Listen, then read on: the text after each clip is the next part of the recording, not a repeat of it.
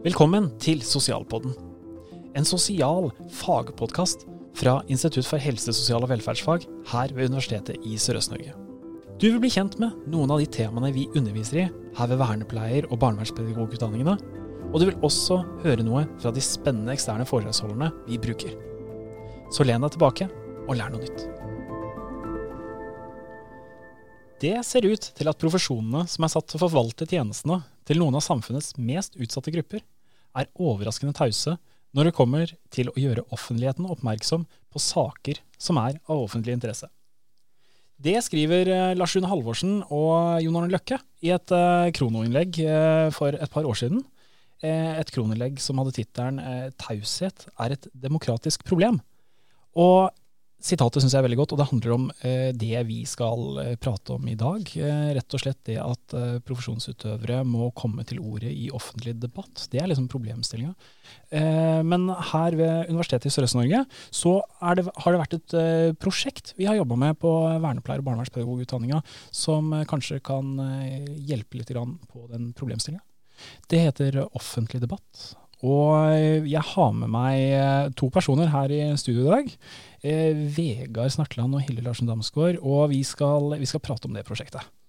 Men først, eh, vi må gå en liten sånn eh, runde rundt hei, hvem er vi osv. Eh, men vi, vi, vi, dropper den uh, hvilken publiseringer vi har og akademisk karriere, og så bytter vi ut det med når var første gangen uh, du ytra deg offentlig? Vegard? Jo, takk. Du spurte meg om det rett før sendinga, og så tenkte jeg kanskje jeg må gruble på det, men det måtte jeg jo ikke, for det huska jeg på et halvt sekund. Eh, tilbake i forrige årtusen, tidlig 80-tall eller noe sånt. Et stort eh, sånn politisk allmøte i Unge Høyres regi, hvor liksom, livslønn var tema.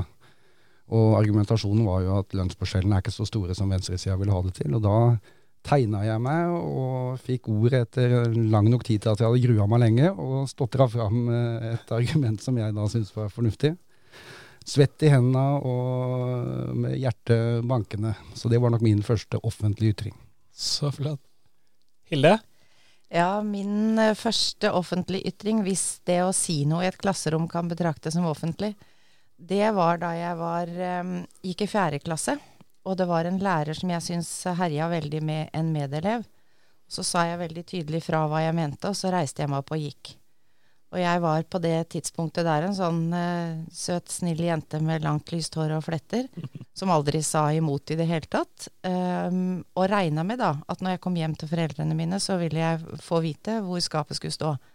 Men det fikk jeg ikke, så det tror jeg de skjønte, at det var helt i orden å reise seg opp når noen måtte forsvares. Nettopp. Så det var første gang.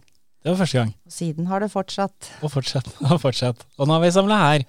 Min uh, første offentlige ytring, uh, det var nok når jeg var 18-19 år gammel. Da bodde jeg i Sandefjord. Og ja, som en del av de som aktiviteter man kunne gjøre som 18-19-åring, så var det jo bl.a. å råne. For de som er lokalkjente i Sandefjord, så var det bak taxisentralen. Der hang jeg med min gullfarga Opel Rekord 82-modell. Og Sandefjords Blad var ute etter noen som kunne ytre seg om hva rånemiljøet i Sandefjord mente om at innfartsveien til Sandefjord fra E18 gikk fra 80 km i timen til 70 km i timen. Eh, så da fikk jeg eh, min, eh, min, artikkel, der jeg har et avgått bilde i avisa der jeg ser skikkelig sinna ut, og ytrer meg om at jeg mener det er bare tull. så det, det, det, var min kampsak på den tida. Eh, men igjen, litt sånn hva kommer andre til å si? Jeg husker at jeg grua meg til når foreldrene mine skulle lese avisa dagen etterpå, hva sønnen vår har vært i media og sagt at dette er bare tull. Og i tillegg så går det offentlig ut som representant for rånemiljøet i eh, Sandefjord. Så det var, det, det var min greie. Jeg eh, jobber jo på vernepleierutdanninga. Vegard? Barnevern og vernepleierutdanninga. Begge deler. Og Hilde?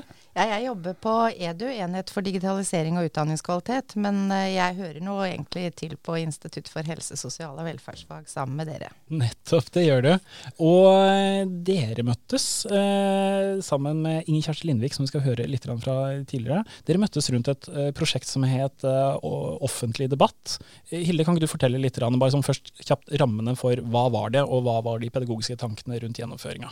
Ja, Prosjektet det er noe som pågår over to uker uker i vanlig tid. Det pågikk over fire uker i vår i koronatid.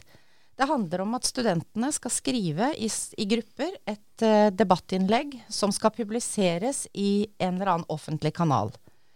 Studentene jobber uh, med å skrive innlegget. De får tilbakemelding fra uh, medstudenter. Det kaller vi hverandre tilbakemelding. Og så får de tilbakemelding fra lærere etter at de har skrevet innlegget om igjen på bakgrunn av studentenes tilbakemelding. Mm. Så det er et, eh, et, prosjekt hvor studentene trener seg rett og slett på å lage et budskap argumentert frem i kort form, og hvor det å gi hverandre tilbakemelding og få tilbakemelding er veldig viktig. Og så er det et, et, element til, og det er at de også må øve seg på å fremføre det muntlig på speakers corner, men det kommer vi kanskje tilbake til, hvordan det fungerer. Ja. Og vi er veldig opptatt av at det skal være struktur på dette her, sånn at studentene vet hva det er de kommer til, og det skal være stort innslag av studentaktivitet hele veien. Nettopp. Da eh, skal vi ha Inger Kjersti Lindvik. Hun var med helt i begynnelsen. Hun var idétaker. Eh, en, en, av de som starta hele prosjektet. Eh, hun venter på svar på en koronatest, så hun kunne ikke være med oss i studio. Men derimot så prata jeg med henne tidligere i dag på telefonen, og nå skal dere høre litt om bakgrunnshistorien for det her prosjektet.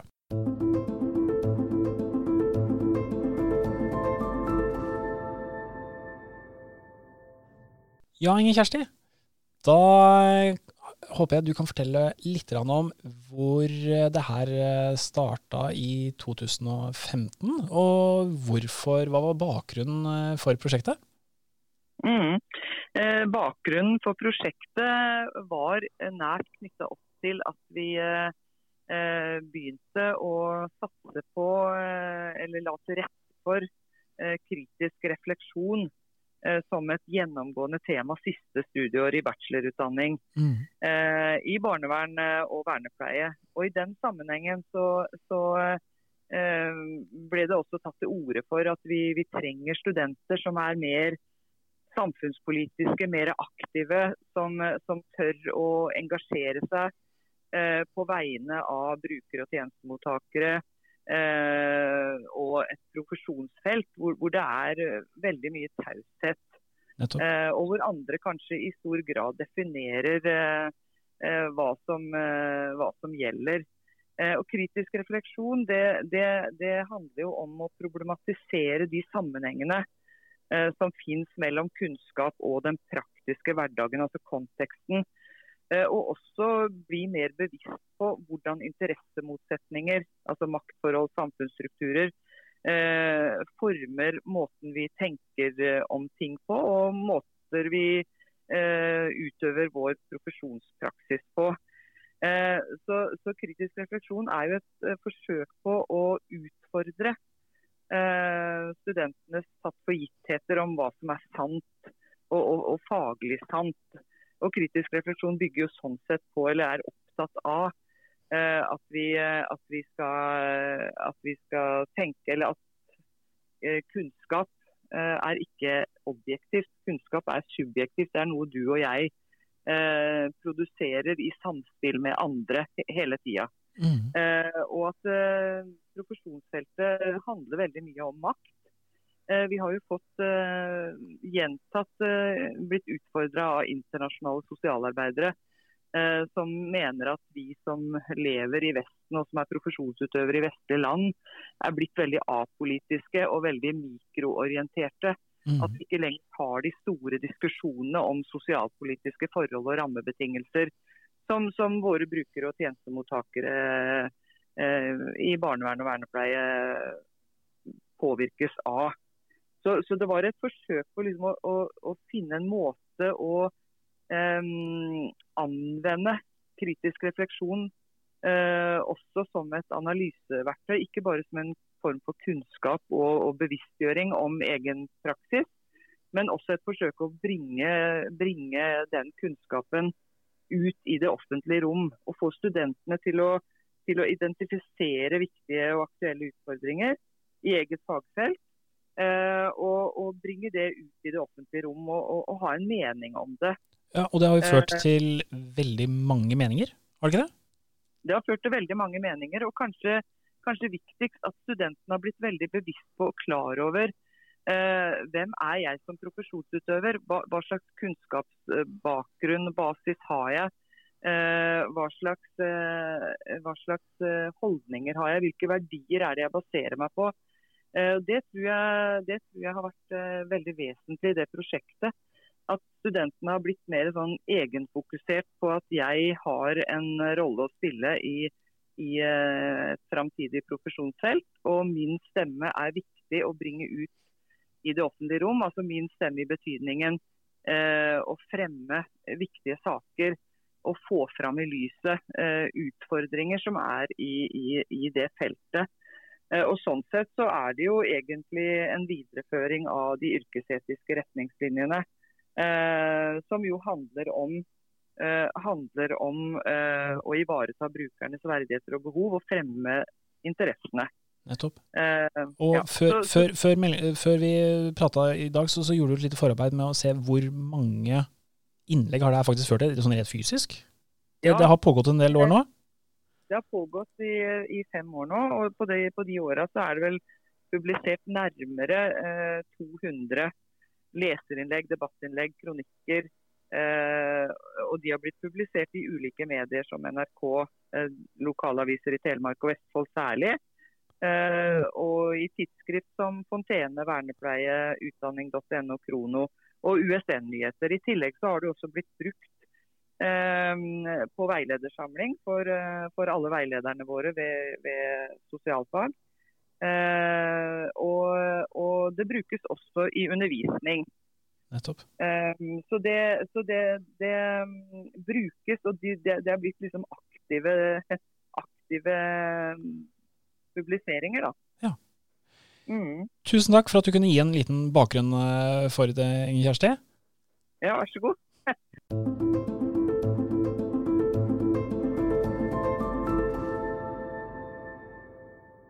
Da har vi hørt litt om rammene for eh, prosjektet. Litt om det pedagogiske, og litt om eh, ja, hvor, hvor kom prosjektet fra. I tillegg så har jo studentene skrevet en god del eh, refleksjonsnotater. De, de, de har reflektert rundt hva de faktisk også har gjort. Eh, eh, Hilde, kan du si noe om hva vi har lært av de? Av notatene. Av notatene? Ja. eh, Det er veldig spennende å se hvordan studentene reflekterer rundt det her. For det er mange som skriver om det at de har vært redde for å skulle ytre seg. Syns ikke de har noe å komme med. At de har erfart at det ikke er så farlig, og at de opplever at det er en del av profesjonen deres å bruke stemmen sin, kunnskapen sin. Mm. Og så er det mange som også skriver om det at det å få lov til å skrive i flere runder på en annen måte enn de er vant til fra før, og få tilbakemelding og gjøre det igjen, det skaper en trygghet på at de faktisk også skriver noe som er lesbart og lesverdig, da. Nettopp, fordi når, når de først skriver noe, så, så var det, får de tilbakemelding på i flere omganger. Og da var det først studentene. De gir hverandre hverandre tilbakemelding først. Ja, det er jo en endring vi har gjort. For først så var jo dette her veldig sånn tradisjonelt ja, Tradisjonelt var det vel ikke, men det var mer sånn styrt av at vi lærere var de som skulle gi tilbakemelding, men det var vi som skulle veilede. Nettopp. Men så oppdaga vi jo det at studentene de hadde jo veldig mye klokt å si til hverandre. Så da ble hverandre-tilbakemeldingen det første som skjedde. Og så bearbeider de på basis av det, og får tilbakemelding fra lærer i neste runde. Og det er rimelig arbeidsintensivt. To uker. Ja, to uker når det er eh, ikke korona. Og Ikke korona. Så, brukte vi fire. For da Ja. la vi inn det der med det individuelle refleksjonsnotatet, det la vi også inn i koronatid. Ja. Sånn at studentene skulle bruke tid på å jobbe selv også. Vegard, har du noe å tilføre når det kommer til det? Kanskje du har jo vært veileder? Og gjort deg noen eh, tanker som eh, veileder for eh, studentene? Det har jeg gjort. Jeg har vært heldig å komme inn i prosjektet de siste åra, og nettopp som veileder. Og eh, med forventninger, for det er klart dette er et prosjekt som har vært mye snakk om blant studenter og ansatte før, før jeg ble en del av det. Og jeg tror jeg vil påstå at dette kanskje er et av de undervisningsoppleggene hvor man kommer tettest på studentene i sine arbeidsprosesser. Blir en uh, samtalepartner uh, helt fra ideen om temaet dukker opp, eller mange ideer, og, og gruppa sammen skal velge, til det å spisse budskapet, bli enige om vinklinger, til etter hvert å, å komme inn på hvordan dette skal formuleres og gjøres eh, tydelig. Mm. Så en veldig nær, nær samarbeidsrelasjon som er litt unik i dette prosjektet. Og så er det litt gøy å si om de overskriftene, da, for de har vi jo jobba med noen ganger. Ja. At studentene starter jo med sånne eviglange overskrifter, og så blir de mye mer De blir kortere, de blir mye mer spissa, eh, sånn at de kan vekke en interesse. Eh, og det er jo en, en, en, et budskap til studentene, og en trening studentene da får på noe som er veldig lurt å ta med seg når man skal skrive i andre sammenhenger, sånn som f.eks. bacheloroppgaven da. Altså Mm. jo mer presist, jo bedre. Og man trenger ikke bruke veldig lang tid på å få skrevet noe som kunne vært skrevet kortere. Nettopp. Eh, Men når de skriver om temaer, hvilke temaer eh, skriver de om? Er det alt fra store, omfattende profesjonskamp, store temaer, helt ned til småsaker, er det ikke det? Det er vel det, Vegard. At det er veldig stort spenn i det. Ja, og Det ligger jo litt i, i prosjektet at her velger jo gruppene tematikk, og det kan være veldig lokale ting. At det er eh, avisdebatter som går i et område hvor studentene bor, og aviser de leser. Det kan være saker som er knytta til en kommunes økonomiske disponeringer. Vi hadde f.eks. mange som skrev om dette med at miljøterapeuter ikke nødvendigvis skulle fortsette å være en del av skoleverket i Skien kommune. Ja. Eh, og da var jo nettopp lokalavisene i, i Grenland og Telemark eh, målsettinga. Ellers så er det ting som er knytta til profesjonen og, og eh, vernepleiere og barnevernspedagogers rolle. Eh, og som da kanskje retter seg mot eh, Krono eller andre nasjonale tidsskrifter. I tillegg så er det noen studenter som har eh, hatt noen kritiske røster om sin egen utdanning. Om utdanninga vi, vi gir dem. Og det, det, er jo, det er jo morsomt at vi kan gi dem eh, liksom verktøyet til å også være kritisk mot det de faktisk står midt inni eh, her og nå. Ja, det er jo egentlig veldig moro. At de da har mot til å ta tak i sånne type eh, tema, temaer, da. For Ja. det betyr jo at vi Da har vi jo virkelig oppnådd det vi ville. At de kunne ytre seg om det de er opptatt av. Men også da må de gjøre det på en måte som er eh, sånn ordentlig grunnlag for, da. Men vi har jo også hatt noen som, som du sa, i Krono. Uh, og, og det er spennende også når studentene får inn eh, debattinnlegg i en nasjonal nettavis for høyere utdanning. Hvordan blir det her mottatt rundt omkring der ute? Det er, hos kollegaer, er det noen kritiske røster her? Hva er vi redd, redd for? Er det noe Jeg mener du har plukka opp eh, noe sånn Ja, men eh, er de godt nok skodd til å, å være der ute i det feltet? Er det en del av utdanninga? Hvorfor gjør vi dette? Eh, jo, jeg syns jo de, det positive nominerer, men du har helt rett, eh, Steinar, i at eh, vi har diskutert dette. Hva man, at studenter representerer universitetet ute i den offentlige debatten. Er de godt nok informert? Er det, er det noe vi som universitet kan stå for? Jeg føler vel at vi så langt kan svare at det har ikke vært et problem. Nei, og så er det jo det at, at når studentene nå lærer seg til at de skal finne eh, fakta som de bruker, de kan bruke statistikk, de kan bruke rapporter som utgangspunkt for å, for å reise en problemstilling, så må jo vi også tillate at studentene gjør det, selv om vi eventuelt skulle være uenige med dem. Eh, Så Hvis ikke så hadde jo ikke dette her uh, hatt noe for seg i det hele tatt. Da hadde jo vi egentlig holdt rammene så stramme at studentene ikke fikk brukt sin egen stemme. Men vi ser jo også at de har utviklet den evnen til å innhente bakgrunnskunnskap. Så det er- har vel kanskje mer beveget seg fra å være et leserinnlegg, sånn som det var i begynnelsen, til nå mer å være en debattartikkel over mot kronikkform. Nettopp. I, I undervisningsopplegget her, eh, de, de får jo opplæring i det du nettopp prater om. Hva er forskjellen på et innlegg, hva er forskjellen på kronikker? Mm. Jeg syns selv det kan være vanskelig å finne ut hva, hvor, hva skriver jeg egentlig nå. Ja, Det vi har gjort i det siste, det er jo at vi har koblet på kommunikasjonsavdelingen på USN. Og da har vi jo fått en journalist inn til å si noe om det. Så de siste årene så har Knut Juel Mæland vært inne. Og da får vi også sånn virkelig inn, innsikt i det fra en som har, som har det å skrive som eh, sitt levebrød, da. Jo, eh, vi satser jo på det, og dette er jo et eksempel på det du nettopp nevnte, Hilde. og det er veldig spennende å følge gruppene og, og, og kullet i dette arbeidet, eller kullene, gjennom de 14 dagene, og se hvordan det kan begynne litt nølende med ja, har vi noe å formidle til Norge eller til feltet eller til, til liksom lokalsamfunnet? Til nettopp å, å, bli nysgjerrig på hva som finnes av bakgrunnsstoff, og være seriøs i arbeidet med å, med å framskaffe liksom gode argumenter for å få fram et budskap. Så liksom, energien og intensiteten i det vokser. Eh, fordi det er alvor. Et annet type alvor enn når man skal prestere på eksamen. Ja. Her er ikke det som er utfordringa, det er det at man faktisk skal stå fram i offentligheten med noe som en setter navnet sitt under. Ja, for det blir jo en litt annen uh, form enn det en oppgave er. For når det kommer til oppgavetekster eller sånne type ting, så, så er det jo et ekstremt krav til å, at, uh, å, dokumentere hver eneste påstand. Og selvfølgelig når man er ute i offentligheten også, så må man det. Men uh, kanskje en tilbakemelding jeg har hørt litt, har vært at det er uvant å skulle mene noe selv. Mm. Eh, Istedenfor å bare skrive hva alle andre mener. At det blir en sånn brå overgang. Og så også, har det vært krevende det at de, sitter, de, er i grupper som er relativt store. Ja. Og hva hvis de da f.eks. internt i gruppa er uenige. Mm. Men det har også da ført til at de har vært nødt til å argumentere eh, med flere aspekter. Ved å si at dette kan forstås sånn, men en annen måte å forstå det på kan jo være Og på den måten så har de også da fått inn flere synspunkter på samme sak. Sånn at mm. istedenfor at det å være uenige eller tenke litt ulikt blir en trussel mot et produkt, så er det med på å berike det. Ja, da kom jeg jo i tanker om et prosjekt som, eh, som, jeg var involvert i helt i starten, og det var knytta nettopp til hvordan studentene opplevde det å, å møte proffen i Forandringsfabrikken. Altså barn med, med, med barnevernfaglig bakgrunn som kommer og formidler uh, sine opplevelser til studentene. Ja.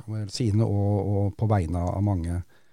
Og, og, det begynte egentlig som et spørsmål hva, hvilket læringsutbytte har vi hatt av det? Og så viste det seg at det var veldig ulike ting. At det ble en veldig spennende diskusjon i gruppa, en vanskelig diskusjon, fordi de satt igjen med mye forskjellig.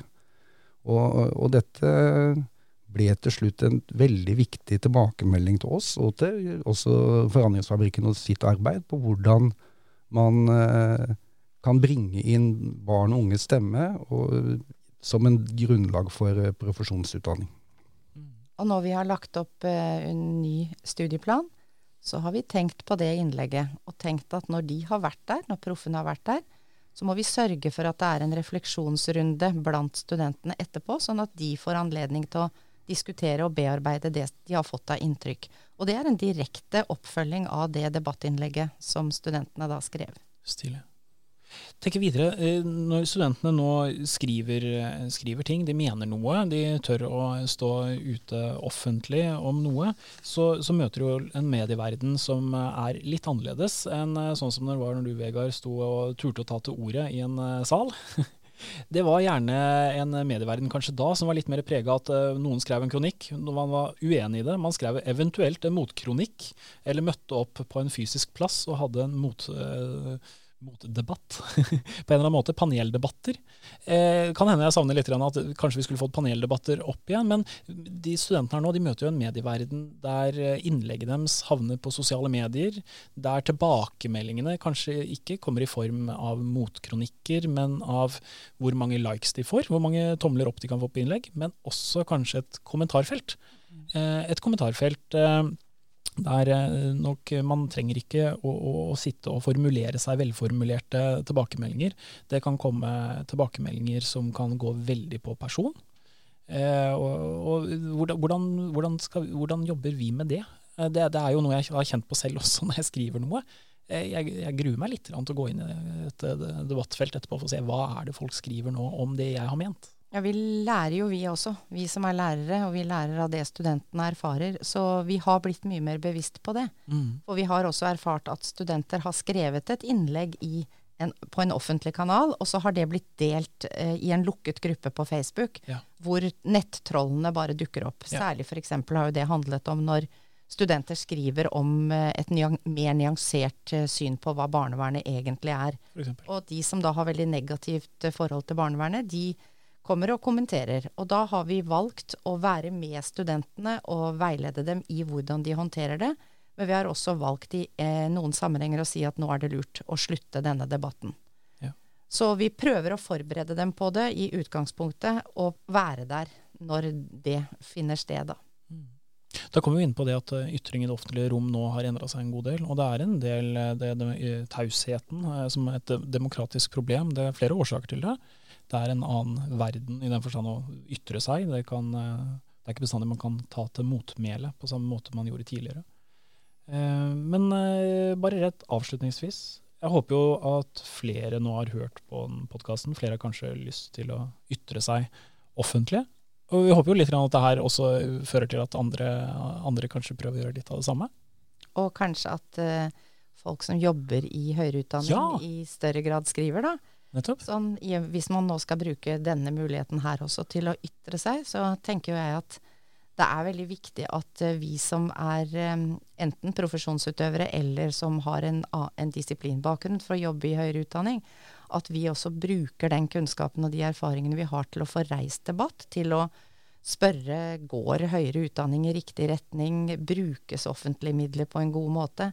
Vi trenger også å være noen som høres eh, ute i det offentlige rom. Om de flotte avsluttende ordene der, Hilde, takk for det. Takk for at dere har vært med her. Det har vært kjempehyggelig. Og jeg håper de som har hørt på, har lært noe nytt i dag òg.